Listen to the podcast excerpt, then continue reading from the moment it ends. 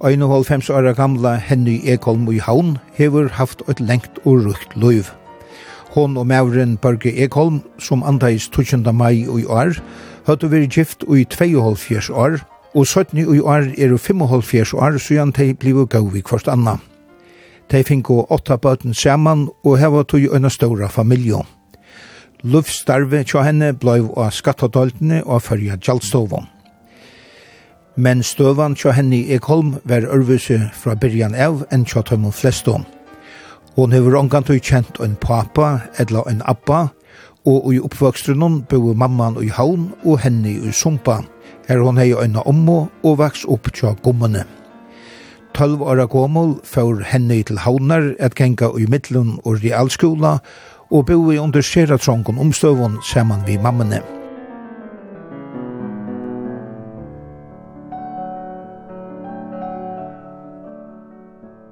Vi sita i heimnon tja i Ekholm i Hammarskøtu 22 og i Esterbynon i Havn. Og i endanon av fyrra parti hørte vi at husene som blivu badnaheime tja henne i Sumpa brunno i grund.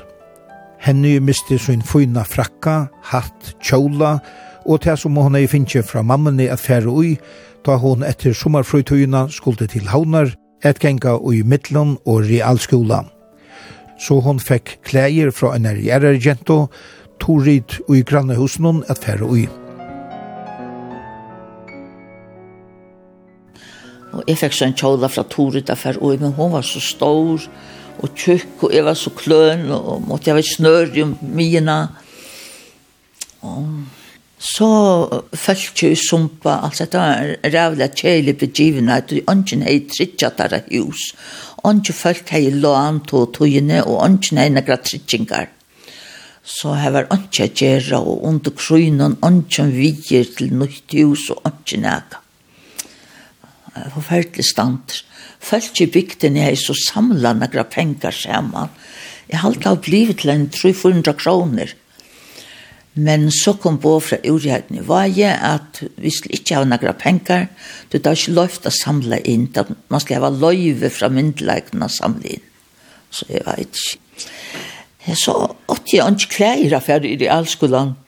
Oi, og nek folk fra Vaje, jeg som sendte tøy sover, mamma kom sover, og for andre i akkur så vidt kunne få et eller annet for oi. Og jeg minnes det får vi en gerabate fra Sumpa, ta i skuld til Havnar. Så gerabatene kom vi været til Polagatteno. Og ta i så kom til Vox, ta folk opp en agera når han fiskar i gøren, og kjøpte meg en regnfrakka. Og han var så støyver og kaldt, det eneste som fløva i var innvendet i Holsen var en kinaflipp, fløy alt innanfyrir. Og så fikk jeg en reie alt pikk vi, og så lest for jeg og i alt skulle han, altså. Og det er ikke klær. Alt oppkåla.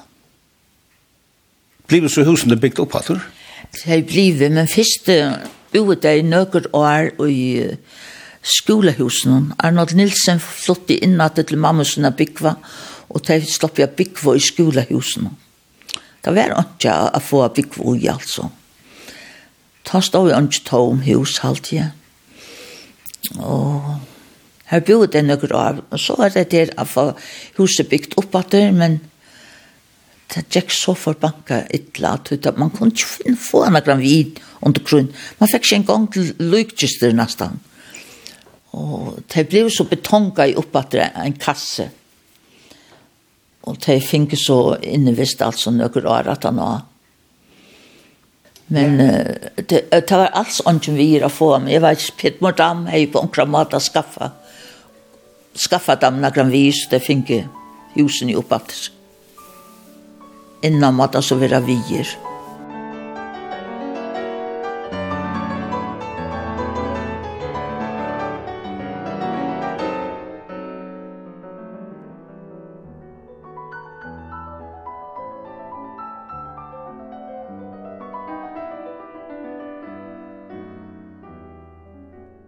Nu henni skal ur heimbygdene sumpa til haunar at genga i middelen og realskola, hever hon nekv gau minner i kjottene. Ikkje minst minnes hon ta tei torska av kottene. Det var sottnhus, atlasna. Det er flyttende torska i her nere i Kjernon, og det er ikke okkon torska i her heime ved dansstovna i en sottnhus. Og jeg kan minnes vi slopp i ab sova i sottnhus, det var en fantastisk begivenhet at bøttene slipper gumman sett alle nattene i vris ned sattnusen torska i kottene, og vi slapp å sove, bare vi omkring teppen og frakken og sånt, og det, til det var så spennende å slippe å sove i sattnusen. Og så kan jeg eisen minnes at uh, man valgte seg det største etene, og for om man er sattnus, jeg ber det steidja seg og ta gjør du ordentlig for skolen, og så tar du kom etter skolen, da var det lekkerstått, og som det smakket vel. Fantastisk. Stått epler og satt nusen. Det lå vel fire tja henne i skolan, og det gjør det at læreren helt at hun åtte at fære vujere til havnar i skolan. Mittlen anna gjør det ta nutje læreren i sumpa, råkne oppgaver, og det domte henne i vel og det gikk øysene vel til opptøk og røntgene til middelen og realskolan. Og jeg har hørt til at han har dømes en lærerinta som heter Fru Jensen. Og hun sier vi med at han har at jeg ble hørt i Danmarks historie at jeg bare akkurat som leste opp dotter hvert eneste, eneste året på året.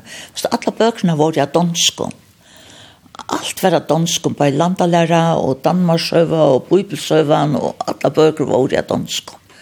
Så du leste opp på dansk?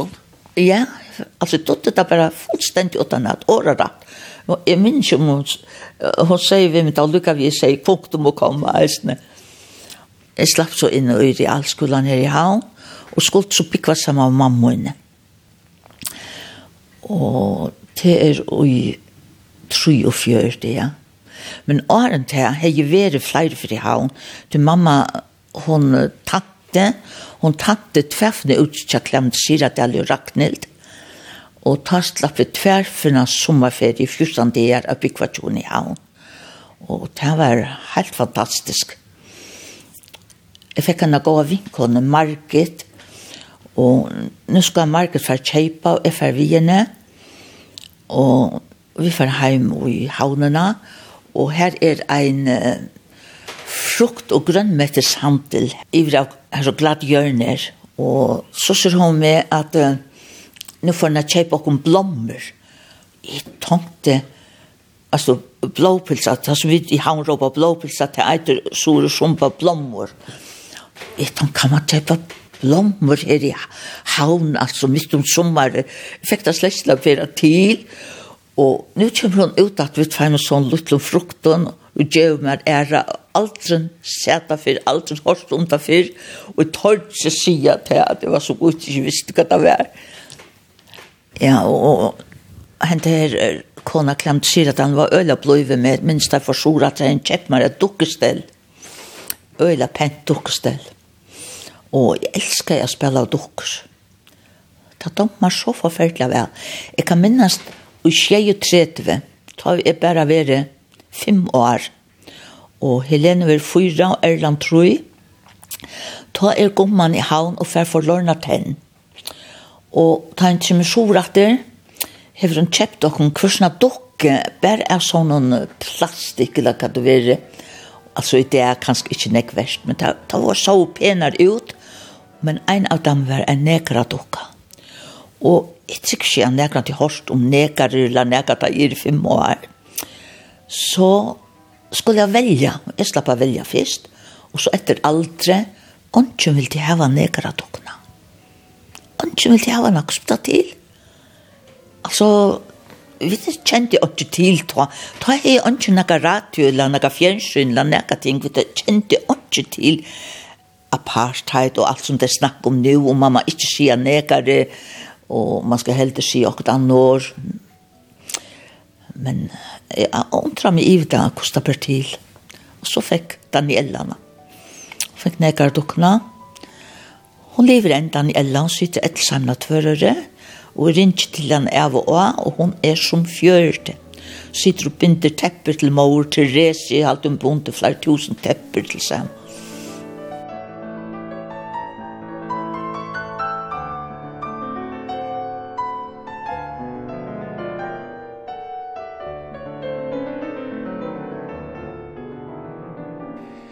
Ta henne var i havn til opptøk og rønt til Midtland og Realskolan og i april måned i 1943 bo mamman Sanna og vinkonan Amanda av Hotel Churros.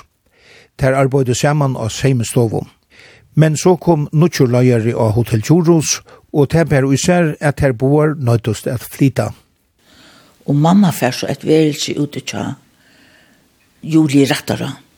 Julia Jensen var at du loppra, så det kjentes vel. Hvis man ikke kjente omkring, så fikk man ikke bygg for. Her fikk hun så en lite velse, og her bygg vi er, og fær så i realskolen. Kjenner jo 18. august. Og akkurat klasse, han ble delt opp. Vi var så negv. Det ble delt opp i dronjer jenter.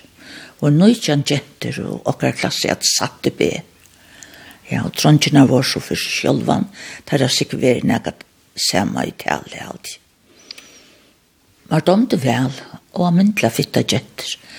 Og jeg bygg så inne til Julie Karlsen, og kun morgun esker skola, åndsmennar hei huset tja landslagnanon. Og kun morgen jeg kom ut, og skal skola, og man skal hitja godt, og man er så nye etter for bilen. Da stod en ikke mer vi bajonett, vakt og i gæren her til ikke landslagt det var det første så, og så renner han igjen skolen. Og ja, det var en, på en måte trist tøy under krøynen, tøy man, bøt måtte ikke være ute i 1808, åttan det fylltes ved vaksne, og alt skulle være myska lagt, svarta gardiner for hvert eneste vindeja, og man måtte ikke hava Altså hvis man heier en luttla lommalikt, så kan man bare lysa nira føtterna her. Altså man tjekk, man måtte ikke lysa nega opp etter rilla nega. Det måtte ikke ljós suttjast negrastna. Jeg fikk henne så gav vinkone, som bo i husen over søyen av tja Julie, og nett Karma Greta, og vi ble så vel, vi gikk i klassa saman, og vi ble skåta saman, og ble omyndla gav vinkone, vinkhåne, sånn, hjertens vinkoner. Huset til Julie, altså Julie var utrolig fitt kona, og mynte meg om disse her sponske koner, tjekk alltid i svørstånd lenken kjålen, nok så nyringa, og jeg sender hillig, svart lengt hår, og ofta skåles.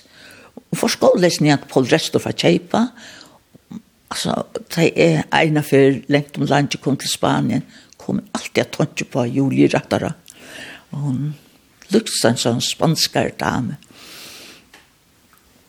Og vær så blod og tog inn derfra og, og hjertelig kona. Men uh, Julie åtte fem bøten vi mannen.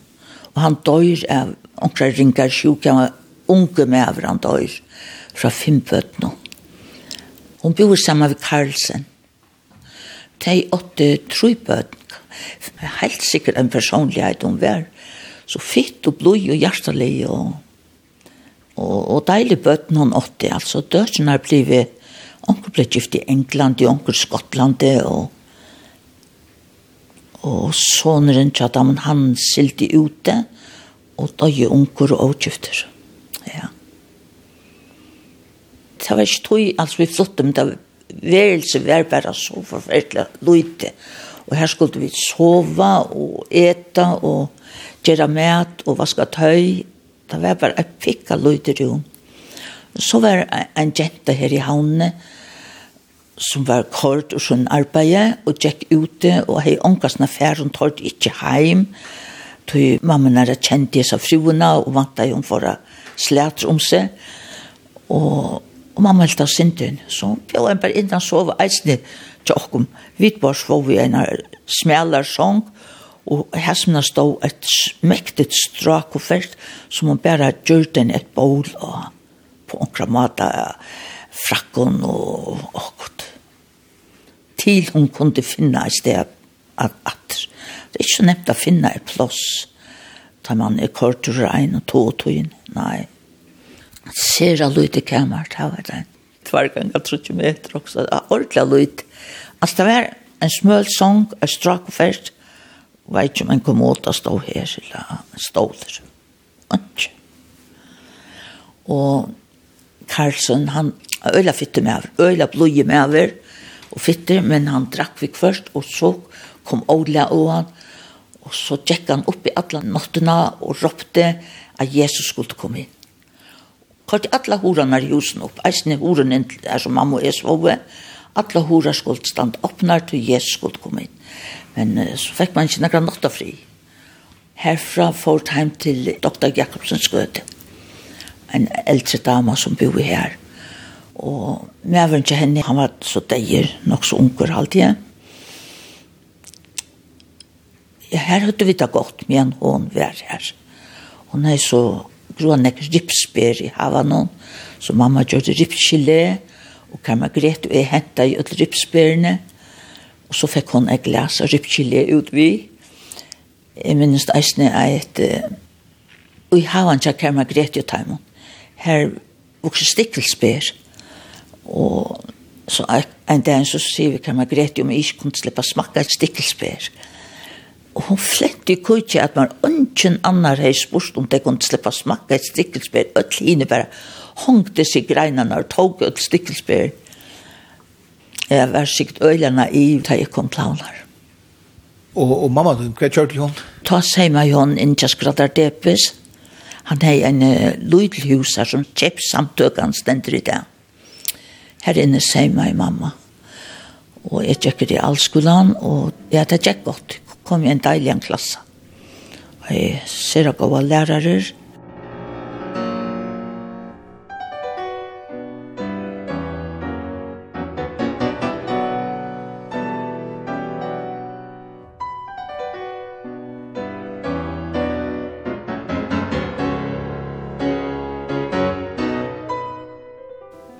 Men så hendte hun åtte en son som er et bilverkstad.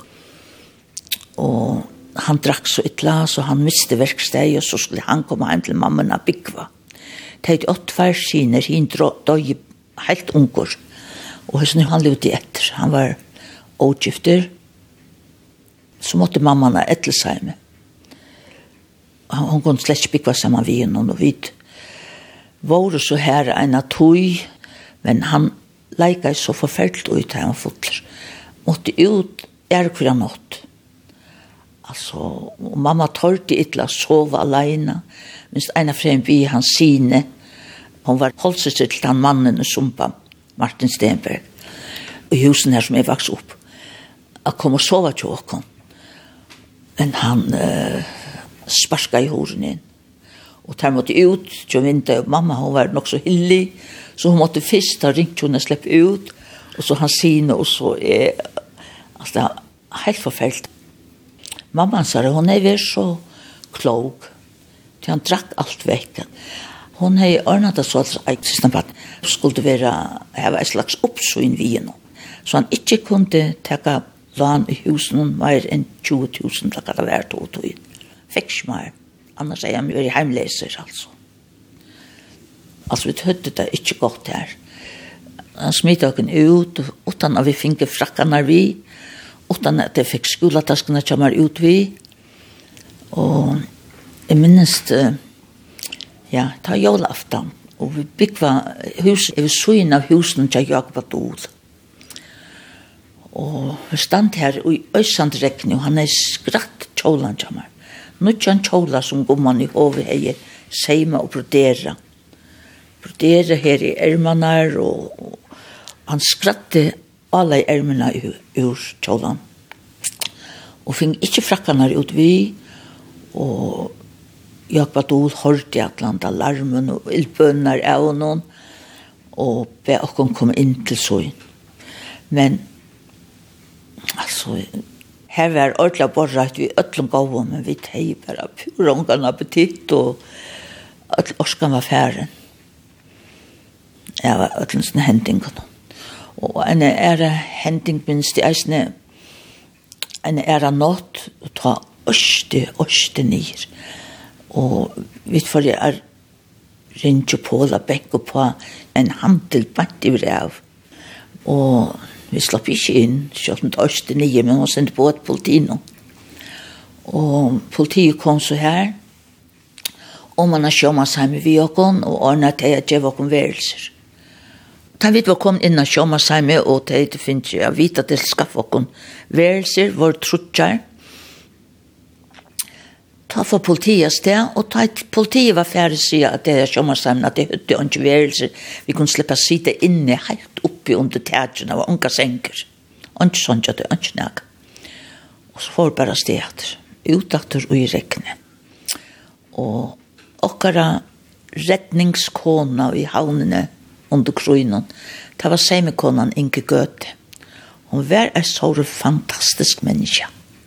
Her slapp vi til å sitte inne i stoven til Inge. Og i omkring stolen, eller kanskje var reisende en diva. Og det var ikke bare en natt, men flere nætter kan vi måtte sitte inne i stoven her. Og så skulle jeg i skole om morgenen, og ikke skoletaska. Og jeg ble en ordentlig ferm til at få lase til uttorene opp, så kom det renne inn et skulataskene og teka frakkene gangen og løype ut at vi hørte, ja. det er en hørt som i hørene, hvordan kom nidjen trappen der vi ildbøn og leika jo. Så vi måtte renne som for løyven og så i skolan. Så var min skolagångt i havn, med kvar. Vi bor her i, tar 12, 13, 14 alt. Ja.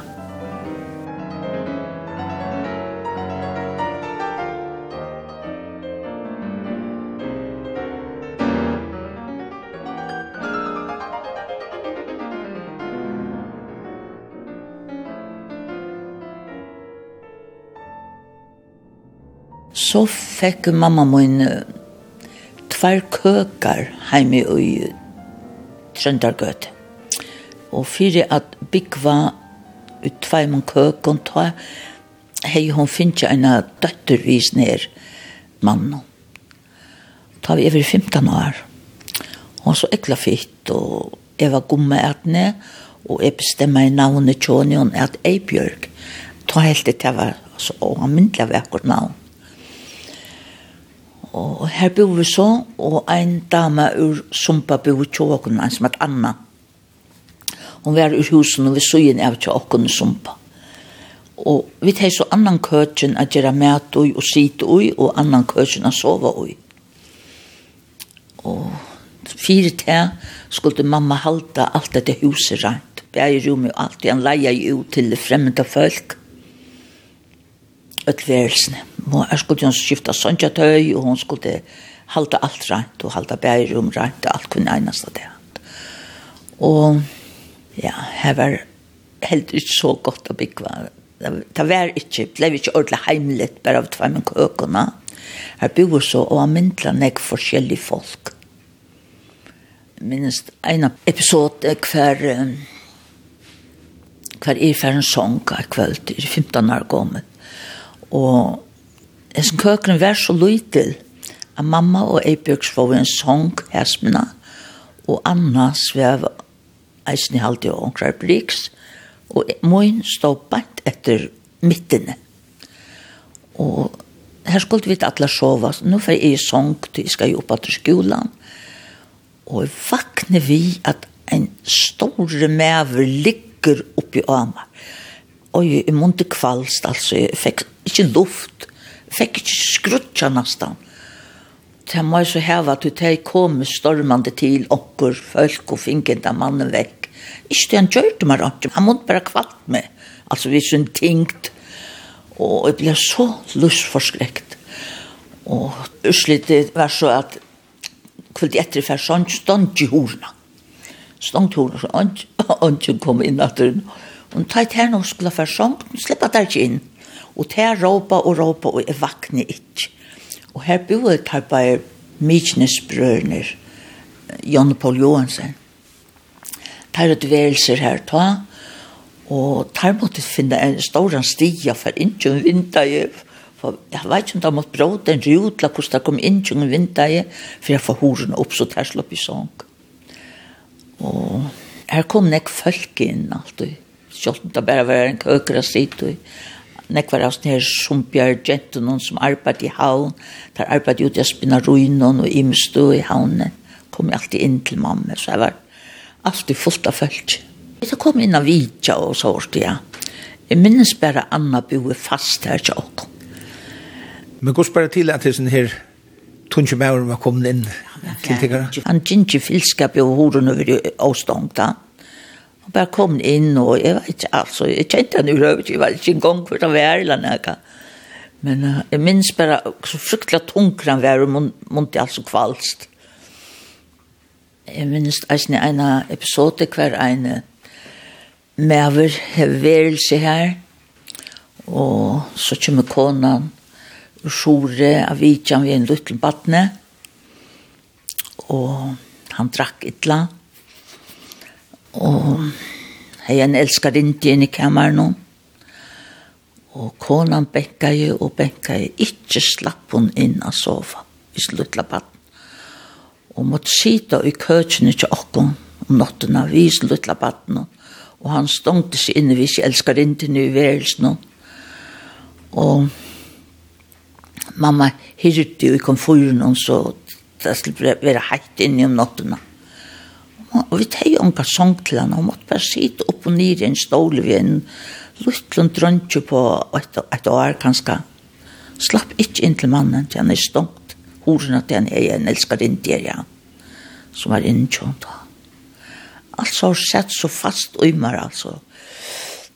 Og skal ikke fyre i øtlen sin åtroskapen. Hun slett stekker det. Ja, så mamma mun vaske i eisen ut av kontoret. Og nu er en finnes jeg her små og var ikke gift hvis mannen, som jeg fortalte der om åren, at jeg ikke var så glad for det, og jeg hørte at han hei en dame som han åtte tro på at vi. Og min innstilling var bare, skulle skulle være her, men ikke fyllt litt. Som han eldre, så får man en annan innstilling, og man kan ikke blanda seg på andre folk hos det livet. Man lukker seg selv. Så jeg kvølte, nå er mamma, hun vasker i skipaflanen. Nå er hun ute i vaskar, og jeg skal så vaske opp, og så kom eieren inn, og spurte etter mamma, er ikke hun er ute til arbeidet. Og han leika i oi, og skjelta i stopanna i, og kalla henne helvets håre, og det var et eller annet som han var ånøkter vi, og Hon skulle alt, halta allt det huset rent, tvär hatter och bägerum och allt. Han är illustrerande det här. Jeg ble så fukant av, jeg ble en borsk nå i vetteren, og traff et ordet stav. altså, det var ikke nevnt, jeg ble så jævla nekk folk. Onker annar kan jo hava ordet av okkur da, han klamsa i horen at og leika jo fra sted.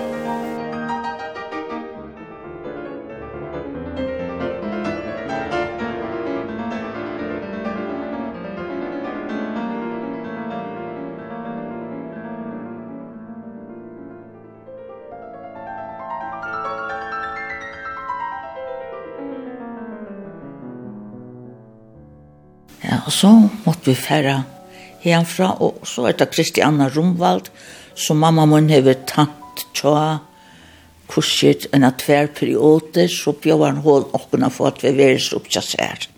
Hun var en så fantastisk menneske. Og så flyttet vi her nye av Bikva, men uh, ta mamma ganga nekv ut av vaska, og jeg gikk i skola, og og hun nøyest å lete Eibjørg fra seg til gommene her som er voksen opp i Sumpa. Her er så Eibjørg en av tog. Og det høyde så forbieringer omstøver alt. Så er det vi få værelse ut i Reine og i Ekholms hus. Osbjørn Poulsen eier hus, han og konjo Vikabyrd som heter Johanna. Johanna Og vi får av første værelse. Mamma fær er større og hever så ei bjørk tjasar. Og jeg fær jeg pikk av løytkammer. Ongen hit inne, og til ongen vese inne. Man skal ut og i gæren, atan fri husene hvis man skal ha vese. Ongen vatten inne på nekra mata. Man må inn i køtjen til timen hvis man skal bruka nekra vatt, bygge om vatt. Og her bygger vi så til vi får en uibu oppi i lån. Det første uibuen som mamma min kunne få, og det var Palli Skåten som skaffa henne igjen. Han bor her ute i regn, og han måtte ikke se, det er ganske kona hans her, hun var så fint. Han skal støve i henne ved jo i, tenker jeg, sleipa og sleipa våknen, vi slutt jentene og strujast og strujast for at i vil liva bare i havn. Så fink vi denne uipu i Nierlån, nummer 8, da den sørste uipuen, og mamma hever eibjøk som tog oppliven cirka 2 år, og jeg er 16, 16, kanskje. Og så færa vi ned og i låna byggva. Her er ikke så gammel. Bare en stova, en køker, en lyd vese akkurat som en skap, og en lyd ganger akkurat som en skap. Og ikke alle, ikke kjattler under. Kålakassen man standa utanfor i huset. Og ikke sentral var mellom nega, men her er en vese, og her er vatten inne. Og her er alt pent mala, kvitt og blått. Og vi var så øyla takksamar, bare at få en lytla uibu, at selv det var så smått. Mamma og, og en av lytla jentan, der høyde stovna, og jeg svev en divan køtjen. Og så hendte det at hun ble så sjuk, da lytla jentan, og døys. Paul Dahl sier det var gjerna meningitis, og De prøver i alt det kunde til hospitalen, høyde han i heit og kaldt bea og alt mulig, og ikke hjelpte. Hun døg i tveira gommel. Mamma min tog det helt øyla tungt, og var så forferdelig god i seg litt kjent. Endelig er fær mamma min en av uibu, så hun kan sija at her bygg vi er. Det var bare så trist. Og tog i er 16 år, og er lærlinger av meg i runnen, Og kvann det jeg kom hjem, ligger mamma sannsynne og græter, og hun er farva öll klæin til seg kåla svørst. Det var bare så trist tog, öll han tog. Jeg halte en jack alltid så dypt og i laden. Jeg halte tog i års fyr svørst.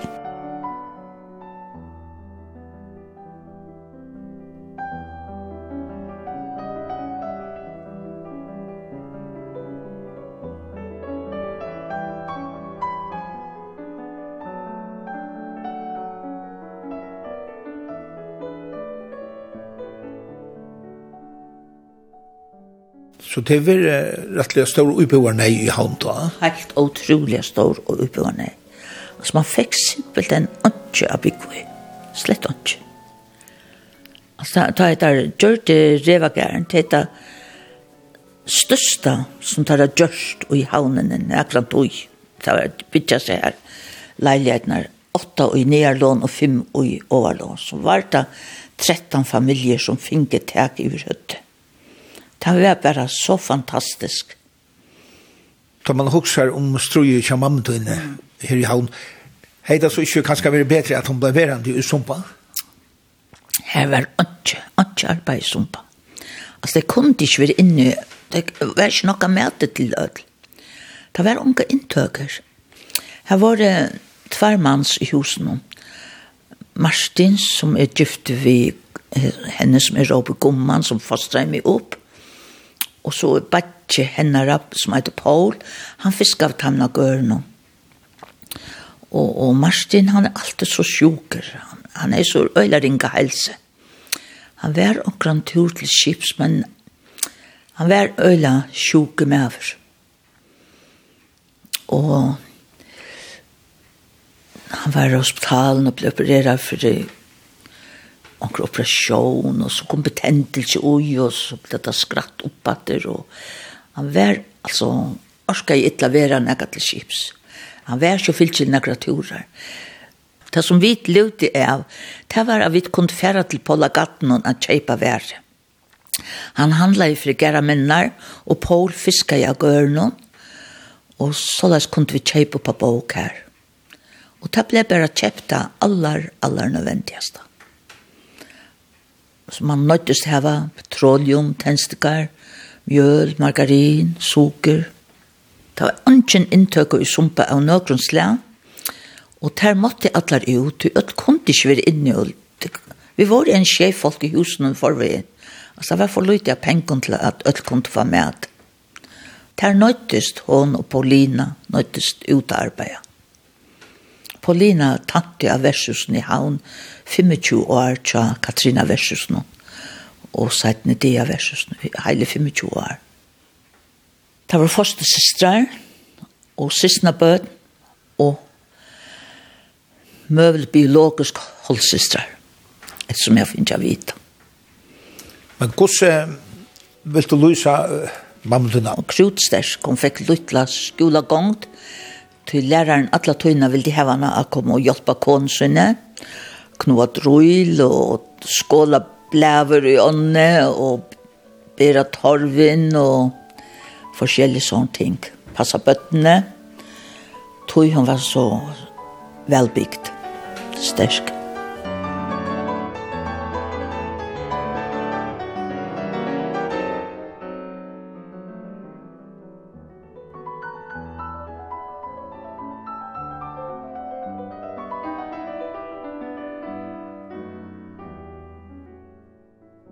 Henny Ekholm hevur som avur sagt ongandu kjent pappa sunn. Hon fekk som småkjenta i sumpa at vita at papen var normavur og at Hans Hansen. Han og mamman hittost i Uslande er mamman Sanna tante. Og så gjerne for normavuren vujare vi kipen om Ulf, som tjekk bostur vi mann og mus vi norr Usland, og er en henny var født. Tøy blei hon oppkalla etter papanon. Og i oppvøkstrunnen hei henny alla tøyene en dreim om at få akkurat at vita om attena tjåsar i norra. Da jeg var en 16 år gammel, ta helt det var øyla spennende om jeg kunne funne familien i norra, så jeg får inn i frelsens her og traff den haksta her, en norrmann som var haksta frelsens her, og spurte om han kunne røyna finna familiena til norra, og jeg fortalte om alt som jeg visste om pappa min og han øyla blodjer og alt, og lå en gjøre hva han kom. Og jeg hørte han ikke atter, så fortalte jeg for mamma min, hun ble så sur og gnavende. Nei, at det var bort av meg, det var i ødel deg, sier hun. Det var i ødel deg, så at det skulle ikke gjøre.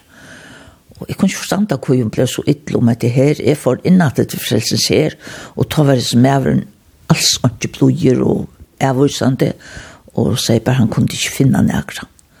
Og jeg har en sånn vær hva er av, at mamma må nøy være her, og snakka vi han at han ikke skulle gjøre nægra vi har leid dette.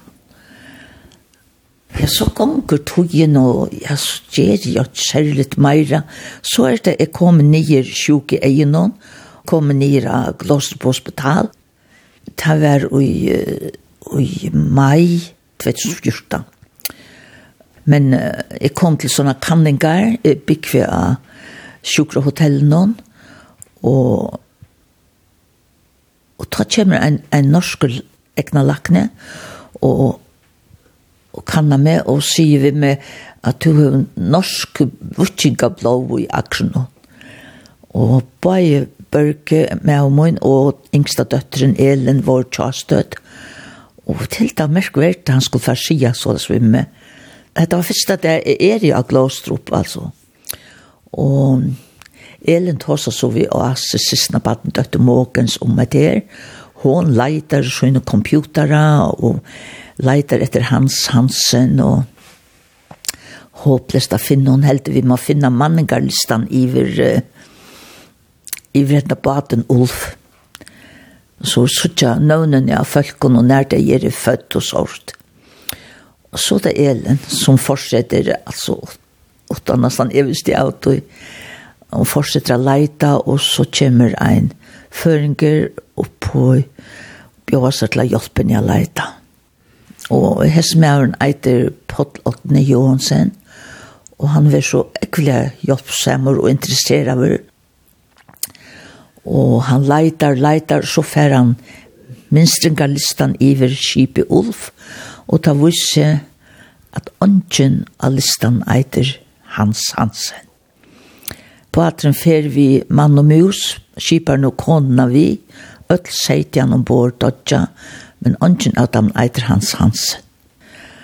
Og så alleita vujar så er at jeg, jeg må taka DNA-prøva, og så er det alleita tannvegin i, i Norra, og tann fyrsta som kommer opp som min nærmeste slekt er en som heter Solveig Ness.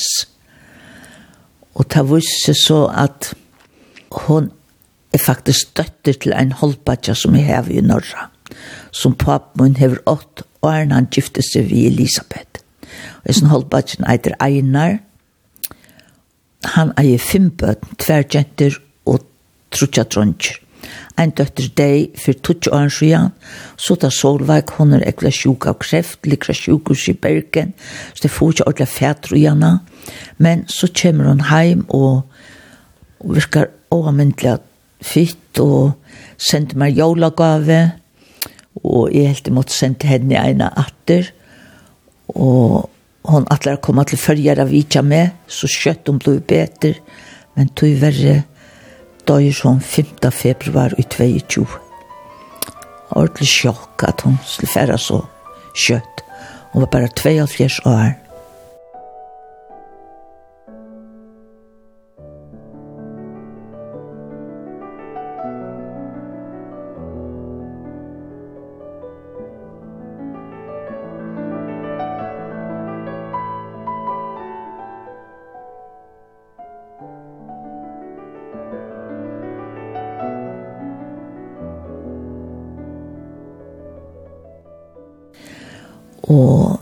nu har jeg at if I vidtjan ur Norrek da kommer fem folk til følger av Sutja med, og til Bikva Hafnia, men det vil jeg gjerne Sutja så nekva familiene som møvlet, så jeg må røyna av det så blodet det som møvlet. og hva er det? Det er mævren til Solvagnes, soneren, vikone og vi kone Øtt er tog halpa tjanja mer som heter Einar, som tyverri er deir, og konans er deg, og boa døtren er deg. Så det sent i løyven hon jeg får jeg vite om disse familiene og i Norra. Du fikk alltid vite at uh, pappa din døye oppe i Øslandet, altså. Ja. Så han døye ikke ved skipet? Nei, nei, nei, han behøver ikke deg ved skip. Han er, uh, jeg finner ikke bøylet av gravsteinen og tjånene, og her stender at heter Signar Haugen, inspektør, og føtter 19. desember 1900 og dagen 19. juni 1970. Merkeligt akkurat han dagen jeg fikk mitt første ommebad. Joe, føtter 19. juni 1970. Og kona Sara heter Elisabeth Haugen, og hun deg 6,5.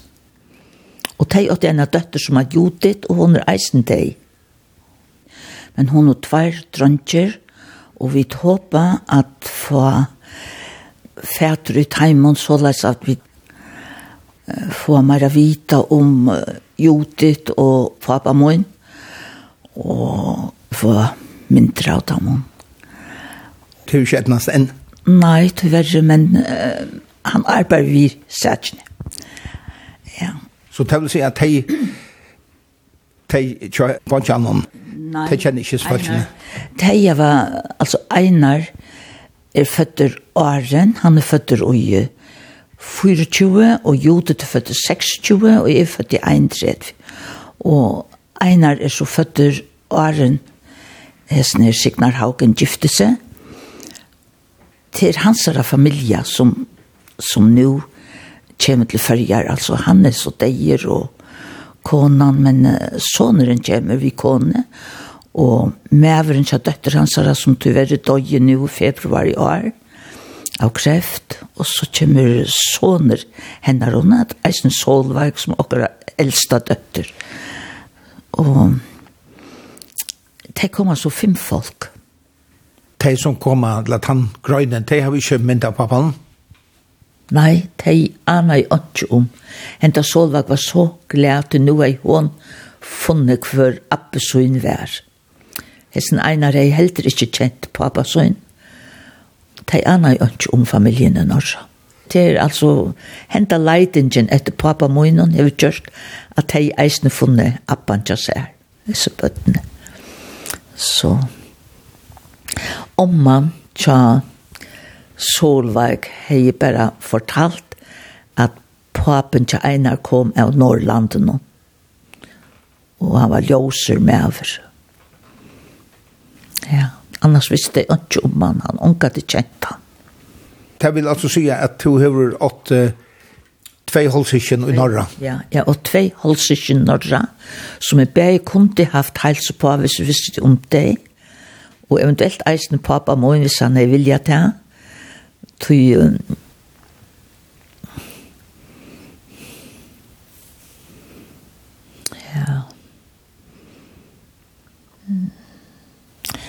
Men tyverre var så sent av vitet her i min løyve, og akkurat i en ringarperiod i min løyve, kan mæveren er så sjuker, og jeg må konsentrere meg om han og hjelpe honom.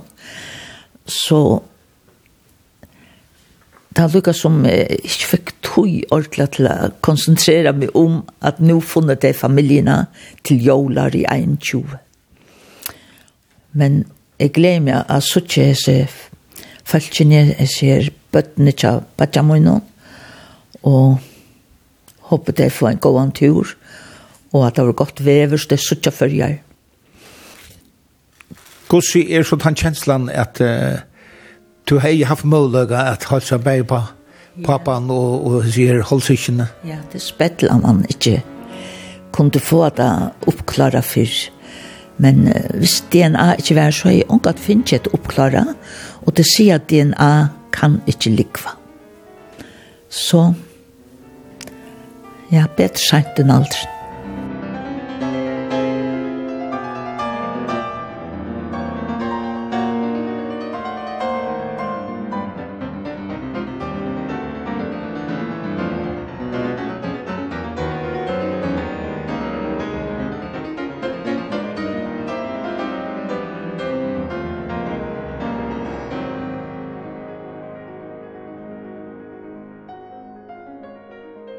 mun støva være sin spesiell fra start, ja. Ja, onka du kjent en appa, ja, onka du kjent en pappa, og mamma mun bo i havn og i sumpa. Jeg har en omme i sumpa, hos nærbo. Jeg hei da godt her sovre, altså, etter omstøvnen. og det var gode med familien til mamma, til syskene, til vår utrolige røsk og arbeid som folk. Og da visste jeg eisne etterkommende at heimen eisne lukka fitt og røsk og blod og arbeid som. Så jeg skal ikke klia. Selv om det ikke et bøtt kan skal bygge sammen med en mamma og en pappa og syskjen og sånn, men da jeg ikke kan lese gjøre, så vær hatt det funnet.